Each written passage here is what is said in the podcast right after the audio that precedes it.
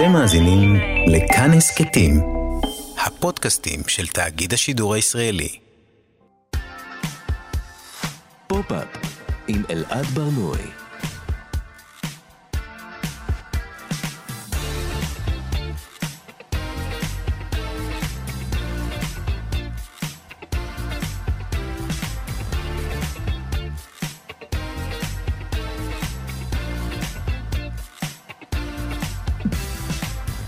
שלום, בוקר טוב, כאן תרבות, אתם על פופ-אפ. בכל שבוע אנחנו מדברים כאן על התרבות שמעניינת באמת. כל יום חמישי בשעה 10, ב-105.3, 104.9 FM. ניתן להאזין לנו גם כהסכת, באתר של כאן, ביישומון של כאן, וביישומוני המוזיקה וההסכתים השונים. איתי באולפן מפיקת התוכנית עירה וקסלר, טכנאי השידור שרון לרנר, אני אלעד בר-נוי, בואו נתחיל.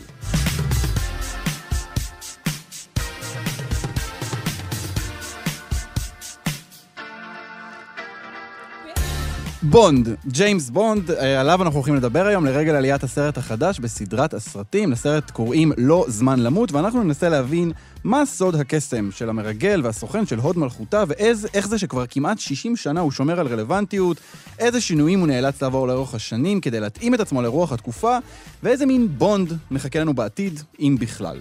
מהגיבור האולטימטיבי אנחנו נעבור לאנטי גיבור האולטימטיבית, זילברשץ, אורלי זילברשץ. בעקבות ההשתתפות שלה בעונה החדשה של המטבח המנצח VIP, נציע קריאה בדמות שלה כאנטי גיבור. נשאל בכלל מה זה אנטי גיבור ואיך הדבר הזה השתנה לאורך השנים. נדבר גם על משחק הדיונון, שהיא בדרכה להפוך לסדרה הכי מצליחה של נטפליקס, וננסה להבין למה אנחנו כל כך אוהבים לצפות בסדרות שמטיפות לנו על ההרסנות של הטלוויזיה. אבל לפני כל זה, בואו נדבר על מוניקה לוינסקי. בימים אלה משודרת ב-yes הסדרה סיפור פשע אמריקאי מוניקה לוינסקי, שחוזרת לשנות ה-90 לשערוריית המין של נשיא ארה"ב ביל קלינטון עם המתמחה שלו, מוניקה לוינסקי. זו סדרה מעניינת כי זה סיפור מעניין, אבל הדבר שהכי מעניין זה לבחון עד כמה העולם השתנה ב-20 ומשהו השנה אה, שחלפו מאז שהתרחשו האירועים האלה. אנחנו נדבר היום בתוכנית על גיבורים ועל אנטי גיבורים, ואפשר להגיד שלוינסקי בשנות ה-90 הפכה לגיבורת תרבות מהסוג הרע. ידעתם שהשם של מוניקה לוינסקי מופיע ביותר מ-40 שירי ראפ ו-R&B? אמינם, נאז, מיגוס, ליל קים, כולם הזכירו את השם שלה, תמיד בהקשר של אה, מין אוראלי, כתמי זרע על שמלה כחולה, תמיד זה באיזשהו אה, עלבון. אפילו ביונסה שרה עליה.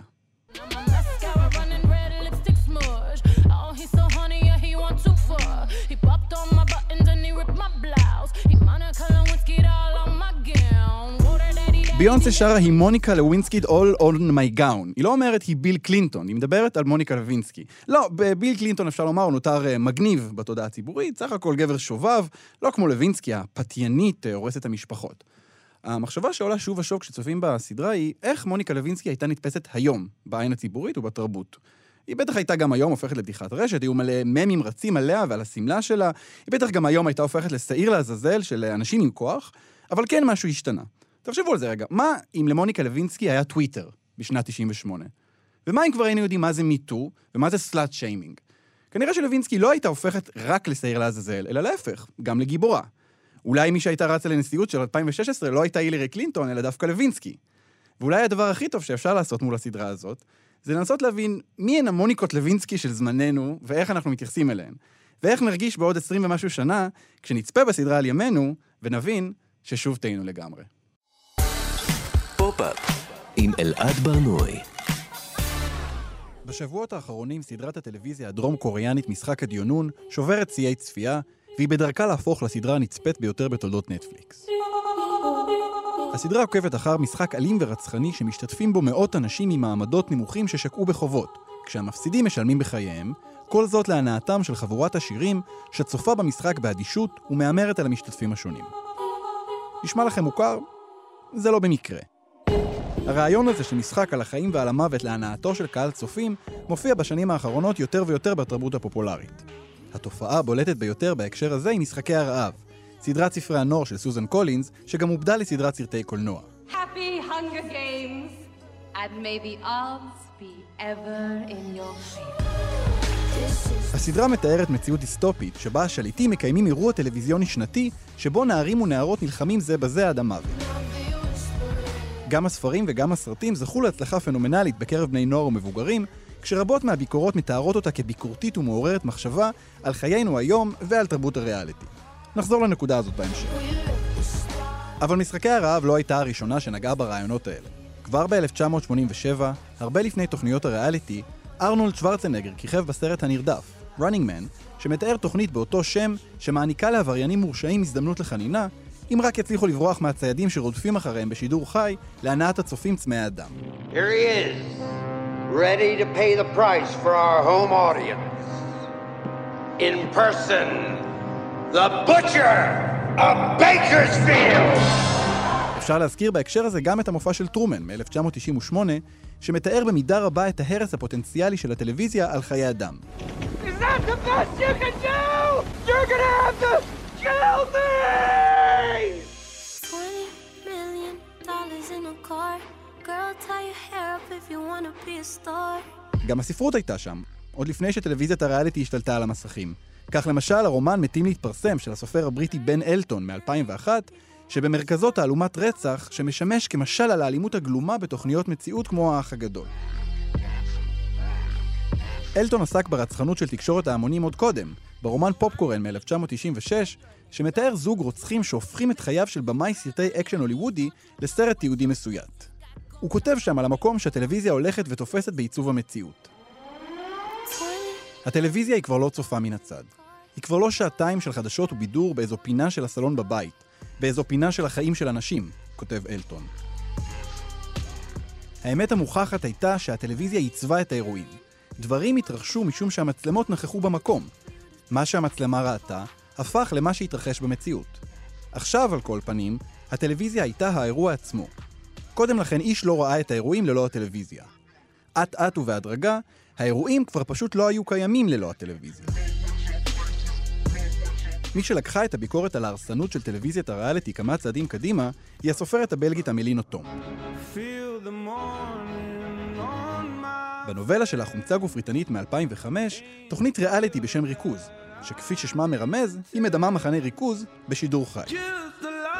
חלק מהמשתתפים הופכים לאסירים, חלקם זוכים להיות קאפו, והקהל בבית יכול לצפות בהתעללות באסירים, בהרעבה, בעבודות פרך ובהוצאות להורג. יותר מעל יוצרי ריכוז, הספר מעביר ביקורת על הצופים. כולם מזדעזעים ומוחים, ואומרים שזה פשוט נורא לאן שהטלוויזיה הגיעה, אבל כולם צופים. התוכנית זוכה לרייטינג חסר תקדים, וככל שהיא נעשית אלימה יותר, כך יש יותר צופים. חיית המתכת, חיית הברזל, לכל מקום יגיעו. בשיח הביקורתי סביב תרבות הריאליטי, עולים לעיתים קרובות משחקי הגלדיאטורים. במשחקים שהיו נהוגים באימפריה הרומית, עבדים היו נלחמים זה בזה למוות להנאתם של השליטים שהיו צופים בהם מן היציע. באחת הסצנות המפורסמות בסרט גלדיאטור משנת 2000, הגלדיאטור מקסימוס, בגילומו של ראסל קרואו, מטיח ביקורת חריפה בקהל הנדהם. Are you not entertained? Are you not entertained? Is this not why you are here? ונתעלם מהמבטא האוסטרלי שלו. ההשוואה בין תקשורת ההמונים לזירות הגלדיאטורים מופיעה גם בשיר חיית הברזל של מאיר אריאל מ-1995, שמתאר חזון פוסט-אפוקליפטי קודר. כל הקולוסאום הכל עולמי הזה עם חלונות הצצה אל הזירה המלאה גלדיאטורים שהם חיות טרף ודם מציף את ההכרה אבל מה שהצליח להדאיג אותנו בשנות ה-90 ובתחילת שנות ה-2000, הפך לנורמה. זה לא רק משחק הדיונון ומשחקי הרעב. סדרות כמו Unreal, או מראה שחורה, או קליק בייט שיצא לאחרונה, מבקשות להזהיר אותנו, להבהיל אותנו, לזעזע אותנו מפני הפוטנציאל הגלום במסך הקטן, ועושות זאת, איך לא, באמצעות המסך הקטן.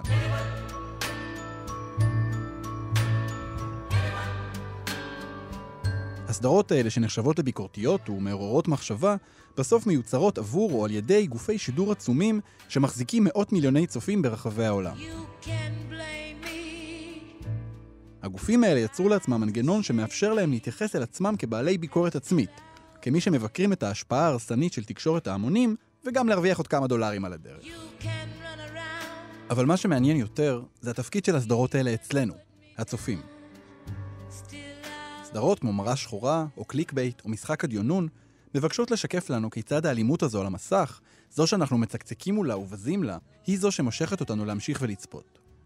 כמו הצופים ביציע של זירת הגלדיאטורים, גם אנחנו נהנים מהטלוויזיה האלימה והגרוטסקית ביותר. אלא שאנחנו מתוחכמים יותר. ובשונה מהם, אנחנו יודעים להרגיש רע לגבי זה.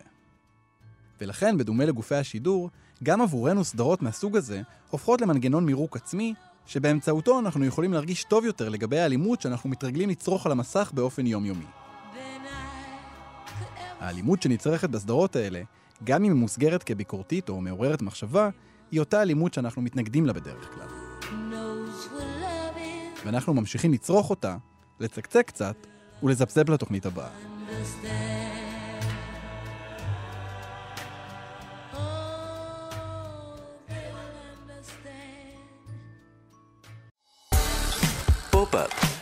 אלעד ברנועי. מה הופך גיבור לגיבור? ויותר מעניין מזה, מה הופך גיבור לאנטי גיבור? השבוע עלתה בערוץ 12 תוכנית ריאליטי הבישול למטבח המנצח VIP. אחת המשתתפות בו היא אורלי זילברשץ, שבאה, השחקנית אורלי זילברשץ, שבאה בצמד עם הבן שלה אלישע בנאי. זילברשץ היא לא החומר הרגיל שמגיע לתוכניות האלה. היא לא יודעת לבשל, אין לה היסטוריית אה, בישול משפחתית להתרפק עליה, היא בעיקר מדברת על אה, השואה כששואלים אותה על הבית שלה. אה, יחד איתה משתתפות בתוכנית מנחת הטלוויזיה ואושיית הרשת, קורין גדעון, שבאה יחד עם אימא שלה ורדה, והן שתיהן מציגות איזו אימהות מושלמת, אימא ובת שתמיד אוהבות אחת את השנייה, ולא רבות, ולא מעבירות ביקורת, והדבר הזה מוציא את זילברשץ מדעתה. כל לילה כשהילדים היו קטנים, הייתי שואלת אותם, מה אתם רוצים לאכול מחר? והייתי קמה בשש בבוקר ומכינה את האוכל. מה שהם היו מבקשים בלילה, הם היו מקבלים למחרת. לא רק שאני מבשלת חרא, אני גם אימא חרא. כאילו, באמת, אני לוקחת מפה מונית לשלום הילד, נראה לי.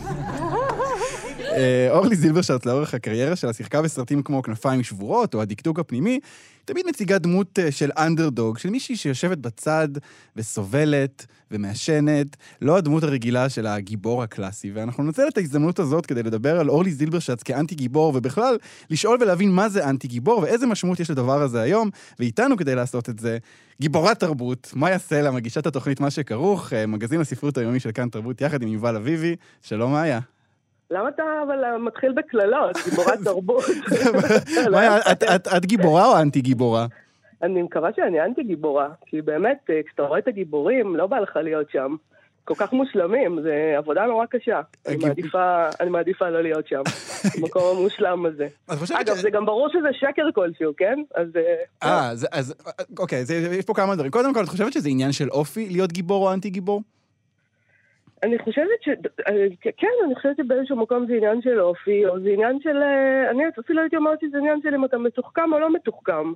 אה, אבל אני, אנחנו הרי לא מדברים פה על גיבורים אמיתיים, כלומר, קורין גדעון היא לא גיבורה אמיתית. אז אה, יש היום משהו כזה של אנשים שרוצים אה, לכונן את עצמם ככאלה, אוקיי? ואז איך עושים את זה היום אצלכם הצעירים?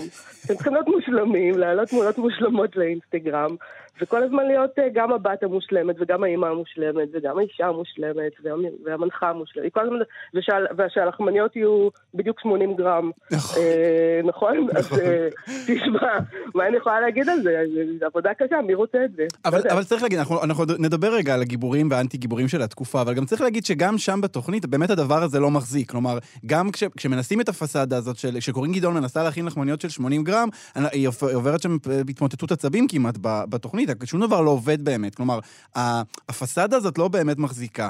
אבל לפני שאנחנו נדבר על, על, על הגיבורים של, של עכשיו, של זמננו, בכלל, כשאנחנו מדברים על גיבור, נגיד אם אנחנו הולכים תרבותית על גיבורים, אז, אז מה זה אומר? כאילו, גיבור זה, זה, זה מי שמייצג את הערכים כזה הנכונים של, של האנושות? כן, הוא מנסה, הוא שואף אליהם, הוא מנסה לעשות את הדבר הנכון, הוא מאמין בכלל בדבר הנכון. אני חושבת שזה בא משם. שהוא מאמין בדבר הנכון. אה, אורלי זילברשסטוב, מה זה האנטי גיבור הזה? מה זה הדבר הזה שגם אם היא לא הייתה מוציאה מילה מהפה בתוכנית הזאת, רק הריאקשן שוט שלה זה מספיק, נכון? רק, רק כשמצלמים את התגובות שלה. כי מה? כי זה הגבה המורמת. לגיבור אין גבה, גבה מורמת. הוא מאמין באיזשהו, בכל מיני אידיאלים, ועכשיו הוא, מה הופך אותו לגיבור? הוא, הוא מנסה לשנות את העולם, הוא שואף אליהם.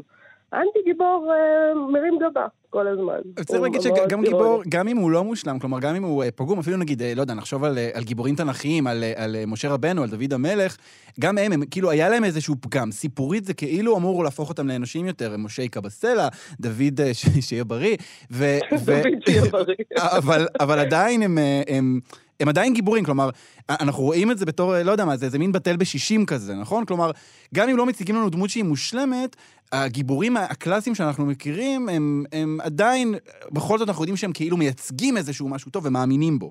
כן, הם גם מייצגים, גם מאמינים, וגם בדרך כלל עושים כל מיני פעולות גרנדיוזיות כדי לעשות איזה שינוי, אה, להוציא את העם ממצרים, אתה יודע, Mm. לעשות איזה דברים גדולים. אתה צריך איזו פעולה גרנדיוזית אה, כדי להיות גיבור. אה, למות בעד ארצנו. כזה. נכון, ואתה אתה לא עושה את זה כשאתה אנטי גיבור, אתה לא עושה פעולות גרנדיוזיות כאלה, אני חושבת. ועל על מי אנחנו, כשאנחנו מדברים נגיד על אנטי גיבורים מפורסמים, על מי אנחנו חושבים? אני, לי, לי עלה בראש אה, אה, מרסו, מהזר. אה, דון קיחוטה הוא אנטי גיבור? אני חושבת שדון קיחוטה באיזשהו מקום, כל הרעיון, אם אתה, אם אתה נלחם בתחנות רוח, אז אתה, אתה, אתה יכול להיות אנטי גיבור, כאילו במובן, ה, כאילו אתה שלומיאל כזה, אבל אתה עדיין נלחם. אז אני לא יודעת לגבי הדבר הזה, אם בדיוק הייתי שמה אותו שם, באנטי גיבור. אני לא בטוחה. אתה צריך כאילו, אתה צריך להיות אדם שיושב מן הצד, בעיניי, כדי להיות אנטי גיבור. באיזשהו אופן אתה, אתה גם פורע את הסדר. אתה צריך לפרוע את הסדר כל הזמן. אה, זה האנטי גיבור, הוא פורע. אתה, אתה לא יכול, אה, אתה לא באמת, אתה לא, אתה, אתה לא מנסה. אתה לא מנסה לה- להילחם, אתה לא מנסה לשנות. זאת אומרת, אתה, אתה, זה אבוד הרי. במובן הזה, אורלי זילברשץ היא כאילו, היא נציגה מאוד מובהקת של דור ה-X, למרות שאני חייבת לומר שעשיתי גוגל הבוקר על השם שלה, כדי לראות בת כמה היא, ודי נדהמתי שהיא כאילו היא מחוץ לקטגוריה של דור ה-X. כי מה? אה, כי היא נולדה לפני, והיא בת 63 כבר, וואו. בחיים לא הייתי אומרת את זה.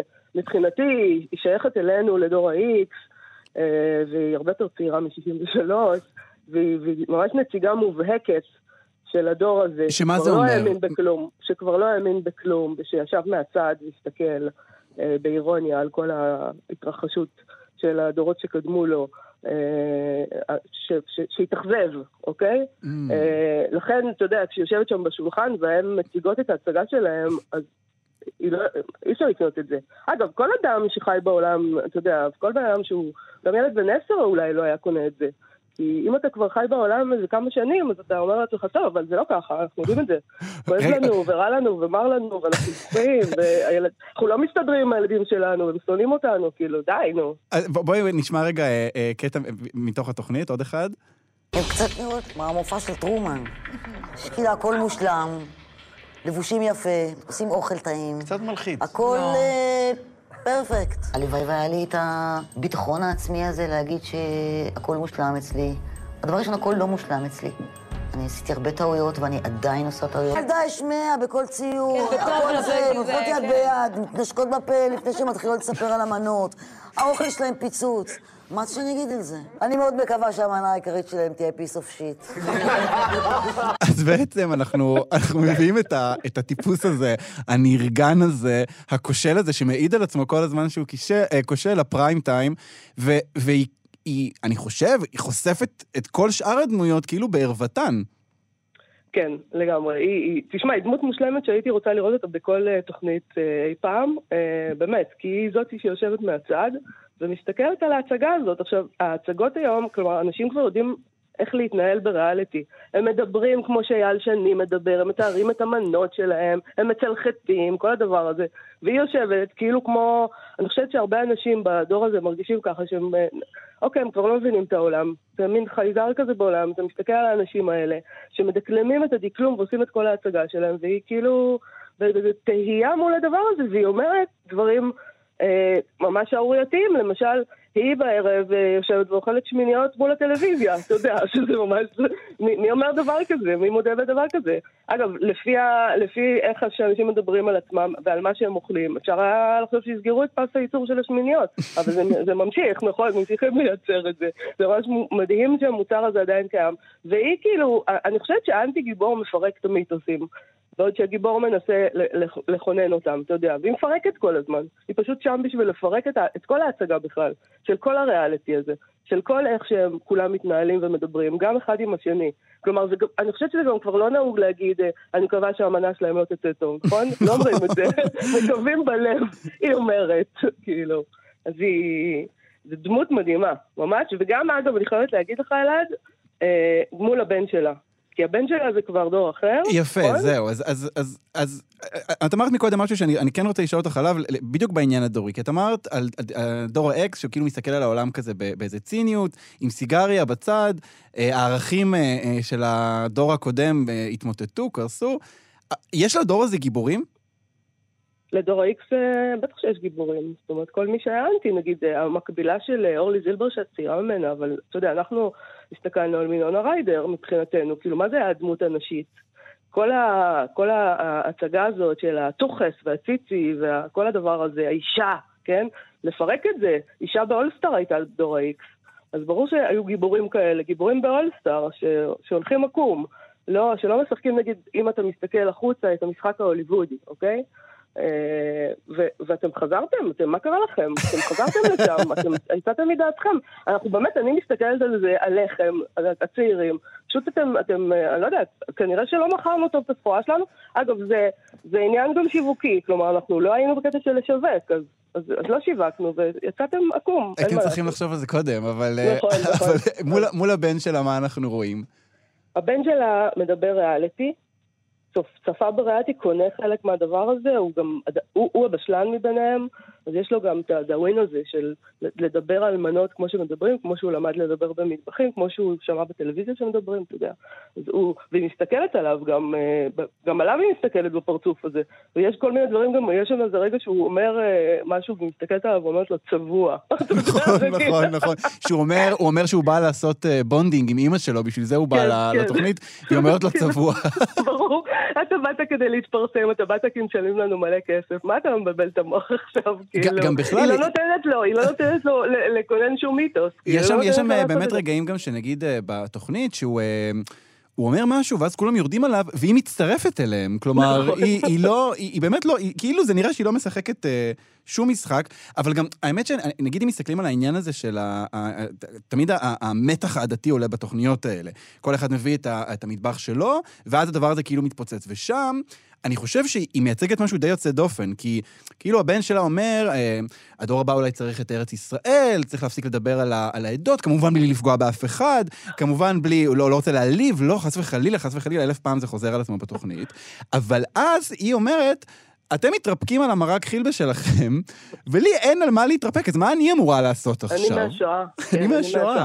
אבל זה לא רק אני מהשואה, אני חושבת. אני חושבת שזה גם אני ממקום כזה שבו, אתה יודע, אנחנו לא היינו בקטע של לבשל פעם. אני מצטערת להגיד לכם את זה. זה לא היה העניין שלנו עכשיו, שאני אישה כזאת שהיא בשלנית, ווואו, תראו את המנות שלי, ואני מאכילה את הילדים שלי. כלומר, הבת שלי גם באה אליי בטענות על, ה...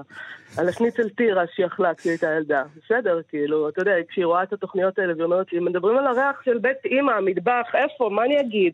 אז היא תצטרך גם להגיד, אה, אפילו לא יהיה לה את התירוץ שאימא שלה מהשואה, אתה יודע, אני פשוט, זה פשוט ככה. זה נשמע לי כמו, אנחנו- כמו צמד ריאליטי אה, בהתהוות, אה, אבל אין מקודם... שום סיכוי.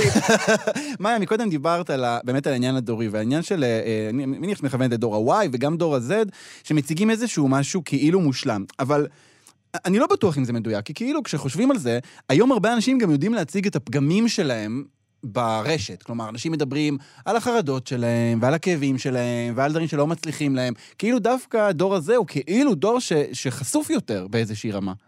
כן, אבל אני, אני שמתי לב, אני לא יודעת אם אני, יש לי איזה מין מחשבה כזאת, תגיד לי מה אתה חושב, שהניסיון כל הזמן הוא לבנות מיתוס ולהיבנות מהפצע, וכאילו, אתה, אתה, אתה אמור להרוויח דיבידנדים. מה, לא, אם אתה מציג איזה, מש, איזה בעיה שלך, אוקיי? Mm. Uh, כלומר, אתה... וגם יש את העניין הזה, יש לכם את העניין הזה של לרצות להיות גורואים. אתם לא סתם הולכים לחדר כושר, אתה רוצה להיות גורו כושר, ואתה לא סתם יודע לארגן את הזמן שלך, אתה צריך להיות עכשיו גורו ארגוני, ואתה נותן עצות לכולם, אתה מסביר לכולם שהנה, אתה היית שם, ועכשיו אתה התגברת, ובוא אני אסביר לכם איך עושים את זה, זאת אומרת, ו- ו- וצריך להרוויח מזה. אתם צריכים להרוויח מזה כל הזמן משהו. אה, ייתנו לכם מוצרים, או, או ייתנו לכם תוכנית, או... אתה מבין? זה דבר כזה, זה דבר שכאילו אתה אמור להרוויח ממנו, מלספר. כמה אתה היית לא מושלם פעם, והיית פגום, אבל יצאת מזה. צריך אתה לא- תהליך, אתה צריך לא- תהליך, לא תהליך טיפולי. כלומר, הרבה אנשים, אני חושב, גם בתוכניות האלה, באים ואומרים, פעם הייתי ככה וככה וככה, היום אני, זה, זה חומר שגם שומעים בראיונות עיתונאיים הרבה פעמים, שדוגמניות... נכון, יצאתי מזה. כן, כן. אף פעם אף אחת לא אומרת, תראו, אני עכשיו פשוט אלכוהוליסטית. אני לא יכולה ללכת... רע לי, פשוט רע לי. ופשוט רע לי, נכון, ואני על אה, מלא אה, מפקחי כאבים ו- וזן. אף אחד לא אומר את זה. זה תמיד דברים שהיו בעבר, יצאתי מהם, ובואו אני אלמד אתכם עכשיו איך עושים מזה גם. אה, אנחנו צריכים לסיים, אבל, אבל מתוך הדברים שאת אומרת עולה משהו אה, מעניין. אני חשבתי שאנחנו נסיים את, ה, את השיחה בהכרזה שהאנטי גיבור הוא הגיבור החדש. אה, נראה לי שאנחנו לא, לא, לא ממש הלכנו לכיוון הזה. אבל אני חושב שמה שאנחנו מצליחים לזהות כאן בדברים שאת אומרת, זה שכאילו הגיבור של פעם, שמזדהה עם הערכים של התקופה, קצת מתחפש היום לאנטי גיבור. כלומר, הגיבור מסווה את עצמו כאנושי יותר, וכלא ממלכתי במיוחד ולא לויאלי במיוחד, הוא מנסה להיות כאילו איזה אינדיבידואל שבאמת הולך נגד הזרם, כשבסופו של דבר הוא מייצג בדיוק את אותם ערכים של הגיבור הקלאסי. נכון, נכון, כי יש היום, אה, יש דיבידנדים פשוט לחולשה. אז, אז גם זה משוחק. זאת אומרת, אפילו כשאתה רואה איך הן מסתכלות אה, על, אה, על השופטים שאומרים להם איך האוכל שלהם, אתה, זה, זה, אתה רואה שזה משוחק. כלומר, הם, יש להם פרצוף המתכונן והעמום והמאוכזב או שמח, או הכל, הם, הם, הכל מעוצב. כן. הכל מעוצב, הפצע מעוצב גם, מעצבים את הפצע. מעצבים את אז הפצע. אתם לא יכולים לצפות שאנחנו נקנה את זה, נכון? אה, נכון, אז תראי, אני חושב שאורלי זילברשטט היא בדרך להפוך ל- לאייקון אה, של הדור. היא אייקון, היא אייקון. ברור, לא, אבל נראה לי שכאילו, את יודעת, יש את ה... את ה- מי שצופה עכשיו ב-MKR, צופים גם הרבה הרבה צעירים שלא מכירים אותה, צעירים Mm. מאוד, ואני חושב שהיא בדרך, בדרכה להפוך ל- לאייקון גם של הדור הזה. אז כדאי אה, שהם ישמעו גם את התקליט שהיא הוציאה פעם לפני הרבה שנים. את הקברט של מירנדה, נכון? בטח. אה, אז אה, נשלח אתכם אה, גם לצפות ב-MKR, בעיקר תריצו כל השאר הקטעים, תצפו רק באורלי זילברשט, ותאזינו לקברט של מירנדה. מאיה סלע, תודה רבה לך. תודה, אלעד. פופ-אפ עם אלעד ברנועי. סוף סוף עלה לאקרנים הסרט אה, לא זמן למות, הסרט האחרון בסדרת ג'יימס בונד. אה, בשנה הבאה אנחנו נציין 60 שנה מאז שיצא הסרט הראשון בסדרת אה, סרטי הריגול, שמבוססת על סדרת הספרים של איאן פלמינג. וזו הזדמנות טובה להבין מה הקטע של ג'יימס בונד ולמה הוא כל כך אהוב כל כך הרבה זמן. ואיתנו כדי לענות על השאלות האלה יאיר רווה, מבקר הקולנוע של כלכליסט, הוא מורה בבית הספר לקולנוע מעלה בירושלים. שלום יאיר. שלום, שלום. יאיר, מה, מה חשבת על הסרט החדש? שהיה בסדר. אוקיי. ההתלהבות שלך ממש בוקעת מבעד לגלי האתר. אה, אה, הוא לא היה גרוע, הוא לא היה מצוין, אבל אה, היו בו קטעים נחמדים, והיו בו אה, קטעים, הוא היה נורא ארוך, הוא היה בסופו של דבר מבאס נורא, אם כאילו ללכת על את החוויה המלאה, אבל... אה, אבל הוא היה סרט ג'יימס בונד בסדר, אני חושב ש- שאולי, סוד הכתם של, של ג'יימס בונד שאנחנו לא, אף פעם לא ציפינו ממנו ל- יותר מזה, אני חושב. אבל אה, כאילו, נורא קשה, קש- נורא קשה לו להצטיין ונורא קשה לו לאכזב. כי אה, זה, זה מעניין אבל לדבר על סרט שאנחנו לא מצפים ממנו להרבה, ועדיין אנחנו ממשיכים ללכת לצפות בו בבתי הקולנוע כבר עשרות שנים. זאת החידה. זאת. החידה שאני לא יודע שאני... אה, שאני מרגיש... אני יודע שאתה אוהב את בונד הרשו יותר ממני, אבל uh, אני מרגיש כאילו שאנחנו פה ממשיכים איזושהי מסורת של ההורים שלנו. או שלהם, הדור הקודם, ג'יימס בונד היה נורא חשוב, כי באמת היה נורא משמעותי בשנות ה-60 הרבה יותר, אני חושב, זה היה באמת משהו חדש לגמרי. ו- ו- ומדהים, ולא נראו סרטים בסדר גודל כזה של הפקות בשנות ה-60 ותחילת שנות ה-70. ואנחנו כאילו כזה going through the motions קצת של, של, ה, של הדור של, שלפנינו, כי אתה יודע, אתה יודע, אני מבחינתי, ג'יימס בונד זה סרט שהייתי הולך לראות עם אבא שלי. כן. זה הבילוי של אה, אב, אב ובן, לנסוע באוטובוס לתל אביב לראות אה, סרט בקולנוע תל אביב. אה, ו, והיפה הוא שהסדרה היא מצליחה איכשהו לשמור על, על, על עניין ולהתחדש כל משהו כמו 15-20 שנה, ו, אה, והיא היא לא, היא, היא לא נמצאת ב, בירידה. כלומר, הייתה, היה רגע של ירידה בשנות ה-80 כשטימותי דולטון היה ג'יימס בונד, כן. אבל עכשיו אם, אם נגיד להפוך את ג'יימס בונד למין מניה, או למותג ג'יימס בונד כמניה, אז היא לא בירידה עכשיו, היא דווקא, אני חושב שהביקוש שלה הוא ב... ב- ב- ברגע די גבוה. אתה יכול להסתכל, אם אתה מסתכל עכשיו על, הג'יימס בונדים לאורך השנים, על, על שון קונרי, על אה, פירס ברוסנן, על דניאל קרג אה, שלנו, אה, אתה יכול לזהות אה, הבדלים עקרוניים, נגיד, בדמויות שהשתנו לאורך השנים והתאימו את עצמם לרוח הזמן? כי אני, אני באמת מנסה לפצח את העניין הזה. איך יכול להיות שהדבר הזה מחזיק מעמד כל כך הרבה זמן? זה לא רק נוסטלגיה, יש פה איזה משהו מעבר. נכון, נכון. אה, אני חושב שיש... יש פה איזושהי תבונה מסוימת מצד, צריך לזכור, זו סדרה של מפיקים, זו סדרה של אה, בעל המותג אלברט ברוקולי, ש, שמחזיק את הזכויות לדמות של ג'יימס בונד והספרים של איין פלמינג, הוא כבר הלך לעולמו, הבת שלו, ברברה ברוקולי, היא זאת שמנהלת את המותג. זו סדרה של מפיקים, והם כאילו עובדים, אתה מכיר אותה עם צוות קריאייטיב ובמאים, ומחליטים, א', מי יהיה ג'יימס בונד מאחת לכמה זמן, וב', מה יהיה הנושא של... אה, של הסרט הבא. אני חושב שאם אתה עכשיו תעשה אה, טבלה של אה, אה, שירי הפתיחה של כל, של כל הזה, סרט מספר 25, אז 25 שירי פתיחה, משרלי בטי ועד בילי אייליש, אתה זוכר את הימים ששרלי בטי הייתה בילי אייליש? אה, אני לא זוכר את הימים האלה. לא, אבל כאילו, אנחנו רואים בתולדות ימי המוזיקה, כן. פעם לבילי אייליש קראו שרלי בטי. אה, וה, והנבלים, במי הוא נלחם, ואיך הוא התנהג לנשים, זה משהו שכזה נורא גדול, נורא זה, וכמובן מכוניות.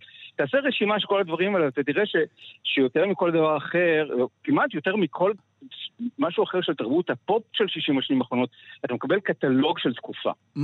אה, אתה מקבל קטלוג של, של קודם כל, מה, אה, מה נחשב רע בעבר. אז, אז בשנות ה-60 הרוסים היו רעים. היום זה בזמן המלחמה הקרה. בדיוק. אחר כך אה, הנבלים הם סתם כאילו אה, אנשים אה, אה, עשירים, טייקון, טייקון תקשורת, זוכר בשנות, בשנות ה-90, כן. פירס ברוסנן עם, ג'ונתן פרייס, טייקון תקשורת, או אה, המרוץ לחלל במונרייקר. כל פעם יש איזשהו סוג של, אה, זה, זה, אני, אני קורא לזה תפיסת עולם אה, מנחם גולני, מישהו שהיה נורא טוב בלראות על מה מדברים עכשיו, מה...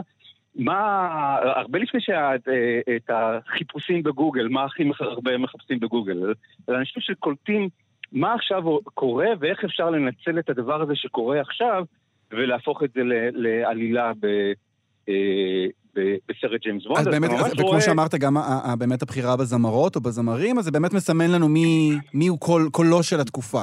בדיוק, אז אתה, אתה עובר מפול מקארטין ו... ו אה, וקרלי סיימון בשנות ה-70, ואתה מגיע לשינה איסטון ולאהה ודורן דורן בשנות ה-80. אה, מדונה ו... מדונה, אלישה קיז הייתה שם, אה, אה, סם סמית, כן, זה ממש, זה ממש כל פעם הכוכב של הרגע. בדיוק, אז, אז יש כאלה ש... שהייתה להם אריכות ימים, שאתה יודע עד היום מזה, אה, מי זה פול מקארטני. אני תוהה אם בעוד 60 שנה נזכור מי זה סם סמית, אני מתנצל בשם האריצה, אבל בשביל, בשביל את זה, אבל אבל אה, גם, זה הכל, אה, אתה יודע, הדבר הזה שנקרא צייטקייסט, כאילו, לנסות ללכוד איזשהו רגע כזה, ולתפוס אותו ולהנציח אותו, ובתקווה שההנצחה הזאת אה, תאריך ימים ושתהיה רלוונטית גם ל... מה הדבר עכשיו שבעצם מפחיד אותו מבחינת... אה, אה, הנבל, מה זה טכנולוגיה שמפחידה? ריגור? בסרט האחרון? הזה, זה מדהים, כי הסרט הרי צולם ב-2018-2019 והוא נדחה בגלל הקורונה, אבל בסרט הזה זה נשק ביולוגי, יש שם וירוס. ש... ש... הקדים את זמנו. כאילו, כן, הגענו מזה שג'יימס בונד אה, מתאר את העבר לזה שהוא מנבא את העתיד. אז... אה, ואיך הוא, תגיד, איך הוא, נגיד, בתור גבר, אמרת משהו על היחס שלו לאנשים, איך הוא השתנה לאורך השנים? אז בזה עוסקים הרבה אנשים חכמים ממני, אבל זה נכון שרואים היום את הסרטים אה, המוקדמים של ג'יימס בונד, בימים של שנות ה-60, התקופה הזאת, אהבה חופשית וכן הלאה וכל זה, האופן שבו שון קונרי מתייחס ל... הדמויות הנשיות, הוא לא משהו שאנחנו... אה, אני מופתע, דרך אגב, אתה יודע, זה לפני זמני, אני מופתע ש, שמתישהו זה כן יתקבל ב, ב, בהתלהבות, כן. הגישה הזאת של אה, לתפוס מישהי ביד ולמשוך אותה ושהיא תבוא, לא ב... בכוח, אלא אפילו בשמחה, מהפגנת האגרסיביות הזאת. אז יחס יותר אגרסיבי אה, לחיזור או, ל, או ולמיניות, יחס כזה מאוד אה, אה, אנשים קצת כמו טישו, לכל, בכל סרט או בכל סצנה יש אישה אחרת, כן, כמה נערות בונד יש ב, כן. אה, בסרט, וכל אחת מוצגת בביקיני או ב, עם סדין אה, לגופה. ובתוך כל זה צריך לזכור גם שזו סדרה נורא נורא שמרנית, זו סדרה שמעולם לא היה בה עירום, נכון. למשל. נכון. יש בה כאילו עיסוק במיניות, אבל אין בה עירום, זה תמיד סדרה שלא סתם זה כאילו הולכים אה, אבות ובנים לסדרה הזאת, היא מתאימה- היא מתאימה לצפייה אה, משפחתית. כן, זה גם באמת, אה, הוא, הוא הסוכן של הוד מלכותה, אפרופו דברים שמחזיקים מעמד, אה, פשוט כי מחזיקים מעמד עשרות שנים או מאות שנים, אז כן. הוא בשם בית המלוכה, אז באמת הוא, הוא צריך גם להיות רויאל במידה. נכון, אז הוא כאילו המודל הזה של הג'נטלמן הבריטי, אז אפשר גם לראות את האופן שבו המושג הזה של ג'נטלמן בריטי משתנה. שון קונרי שבאמת היה בו משהו מחוספס, בריוני ממש, ולימים גם התפרסם שכנראה גם כן. באישיות הפרטית שלו הייתה כזה. למישהו שהוא קצת יותר אה, אה, צנון, אה, כמו רוג'ר מור. רוג'ר מור הוא, הוא האיש שהיה הכי הרבה זמן בתפקיד, הוא לא הכי הרבה סרטים, אבל הכי הרבה זמן בתפקיד. אז מבחינתי רוג'ר מור הוא הבונד האולטימטיבי. אני, שון קונרי זה לפני זמני. אני, כשאני, כשאני התחלתי לראות סרטים, רוג'ר מור היה אה, ג'יימס בונד, והוא כאילו מישהו שאתה יכול לדמיין מגלם אה, אה, נסיך, מישהו כמו צ'ארלס או פיליפ בסדרה תקופתית על, אה, על בית המלוכה. אבל, אבל דניאל קרייג נגיד, הוא אחר, נכון? הוא קצת אחר, כי גם פירס ברוסנן, נכון. הוא היה כזה מין אה, קצת חלקלק כזה, ובאמת כן. אה, מהוקצע, ודניאל קרייג הוא, הוא קצת יותר גבר-גבר איכשהו. אז זה, זה, שילוב של גבר, אבל הוא גבר גבר של שנות האלפיים. כן. הוא גבר גבר אה, נורא רומנטיקן. הוא, הוא גבר גבר ש... אה, שאתה יודע, הוא יודע לזרוק, אה, לזרוק אגרוף, אבל ליבו נשבר. אני חושב שהוא הבונד הראשון ש, שסובל מלב שבור. ושיש לו איזשהו סוג של אה, התנהגות קצת פוסט-טראומטית ב, ביחס לזה.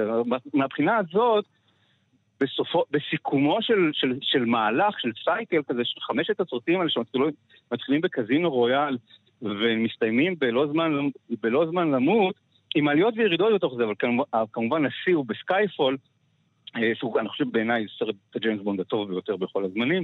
וואו. אה, זה ג'יימס בונד שלא רוצה להיות יותר ג'יימס בונד. ג'יימס בונד שמדבר על פרישה, זה ג'יימס בונד שרוצה לעזוב את הכל, זה ג'יימס בונד שמתאבל על זה שאהובתו אה, נהרגת, וג'יימס בונד ש, שמתחיל בפעם הראשונה לחשוב על אה, אולי לפרוש מהכל ולהתמסד עם, עם בת זוג אחת. אה, אלה דברים ש... זה, אבל זה גם מאוד מתחבר לשיח של גבריות היום, אני חושב. זה גבריות נכון. טראומטית, גבריות סובלת, גבריות שרוצה להרוס את הדברים שווה לפרוש.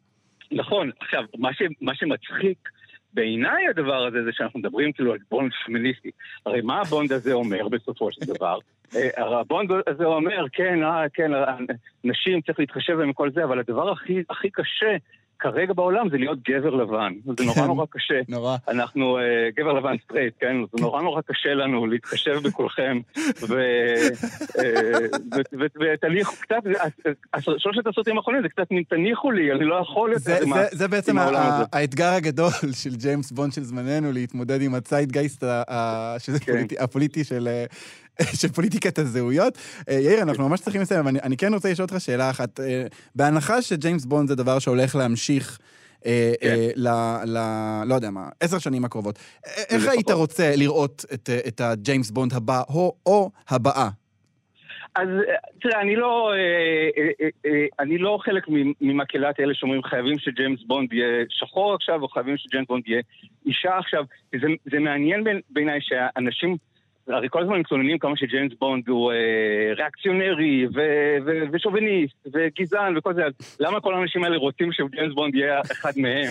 גם, גם, גם להם הגיע אז- הזמן להתגזען. אז, אז איזשהו, אז כאילו זה, זה מין דבר הזה. אני חושב שעדיין הקסם של ג'יימס בונד, ואני, ואני מצרף אליו מישהו כמו ג'ייסון בורן של מאט דיימון ואיתן האנט של, זה זהות של בדויה. תום קרוז, כן. אה, זה עדיין התמודדות של, התמודדות של הגבר הלבן עם, עם מה שקורה בעולם. זה גם, זה נרטיב ש, שעדיין יש מה אה, לספר בו, אבל, ולראות איך אפשר לעשות את זה באופן שיהיה אה, אה, מתחשב. אין, אני לא, אני, לי התחושה שלי זה שג'יימס בונד לא יהיה אישה. אה, אני חושב שאפשר לעשות, אנחנו רואים את זה בסרט הזה, אפשר לעשות 007 אישה. 007 זה, זה תפקיד, זה לא דמות. אז אה, לא הייתי, לא אתפלא אם יעשו מין ספין-אוף כזה של, של סדרה שתהיה אה, 007, שבה כמו דוקטור הו, וכל כמה, כל כמה עונות אה, תתחלף שחקנית אישה, שחקנית שחורה, שחקן שחור, וזה... זה משהו שבאמת יכול לקרות, אבל ג'יימס בונד עצמו, אני חושב שעדיין צריך לראות איך איין פלמינג תיאר אותו, ואולי להישאר אה, צמוד לזה. מה שהיה אותי מעניין, וצריך לזכור שאמזון קנו את אולפני MGM הבעלים של, חצי מהבעלים של, של ג'יימס בונד, אז משנה הבאה אתה אומר חגיגות 60, נראה לי שכל ספרי ג'יימס בונד תהיה זמינה באמזון פריים. אה, נחמד. הם לא, הם לא, יהיו, אה, לא ייתנו למותג הזה לדעוך. כן. אני אה, חוזה ומצפה, ובמידה מסוימת מקווה, שמה שהם יעשו זה את הריבוט האולטימטיבי. יתחילו את כל סדרת ג'יימס בונד מההתחלה. ברימייקים.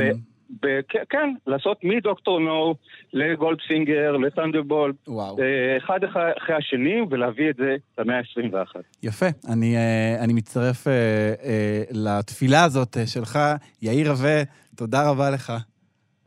יאללה, להתראות. להתראות. וזהו, אנחנו הגענו לסוף התוכנית, פופ-אפ בכאן תרבות. את כל השירים מכל התוכניות אפשר למצוא בפלייליסט מתעדכן, חפשו בספוטיפיי פופ-אפ. תודה לאירה וקסלר על ההפקה, תודה לטכנאי השידור, ש... השידור שרון לרנר, אני אלעד ברנוי.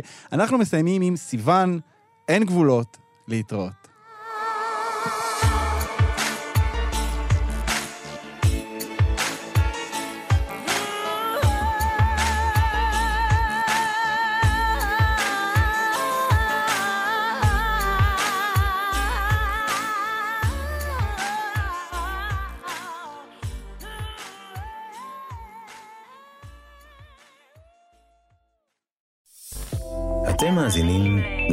הסכתים, הפודקאסטים של תאגיד השידור הישראלי.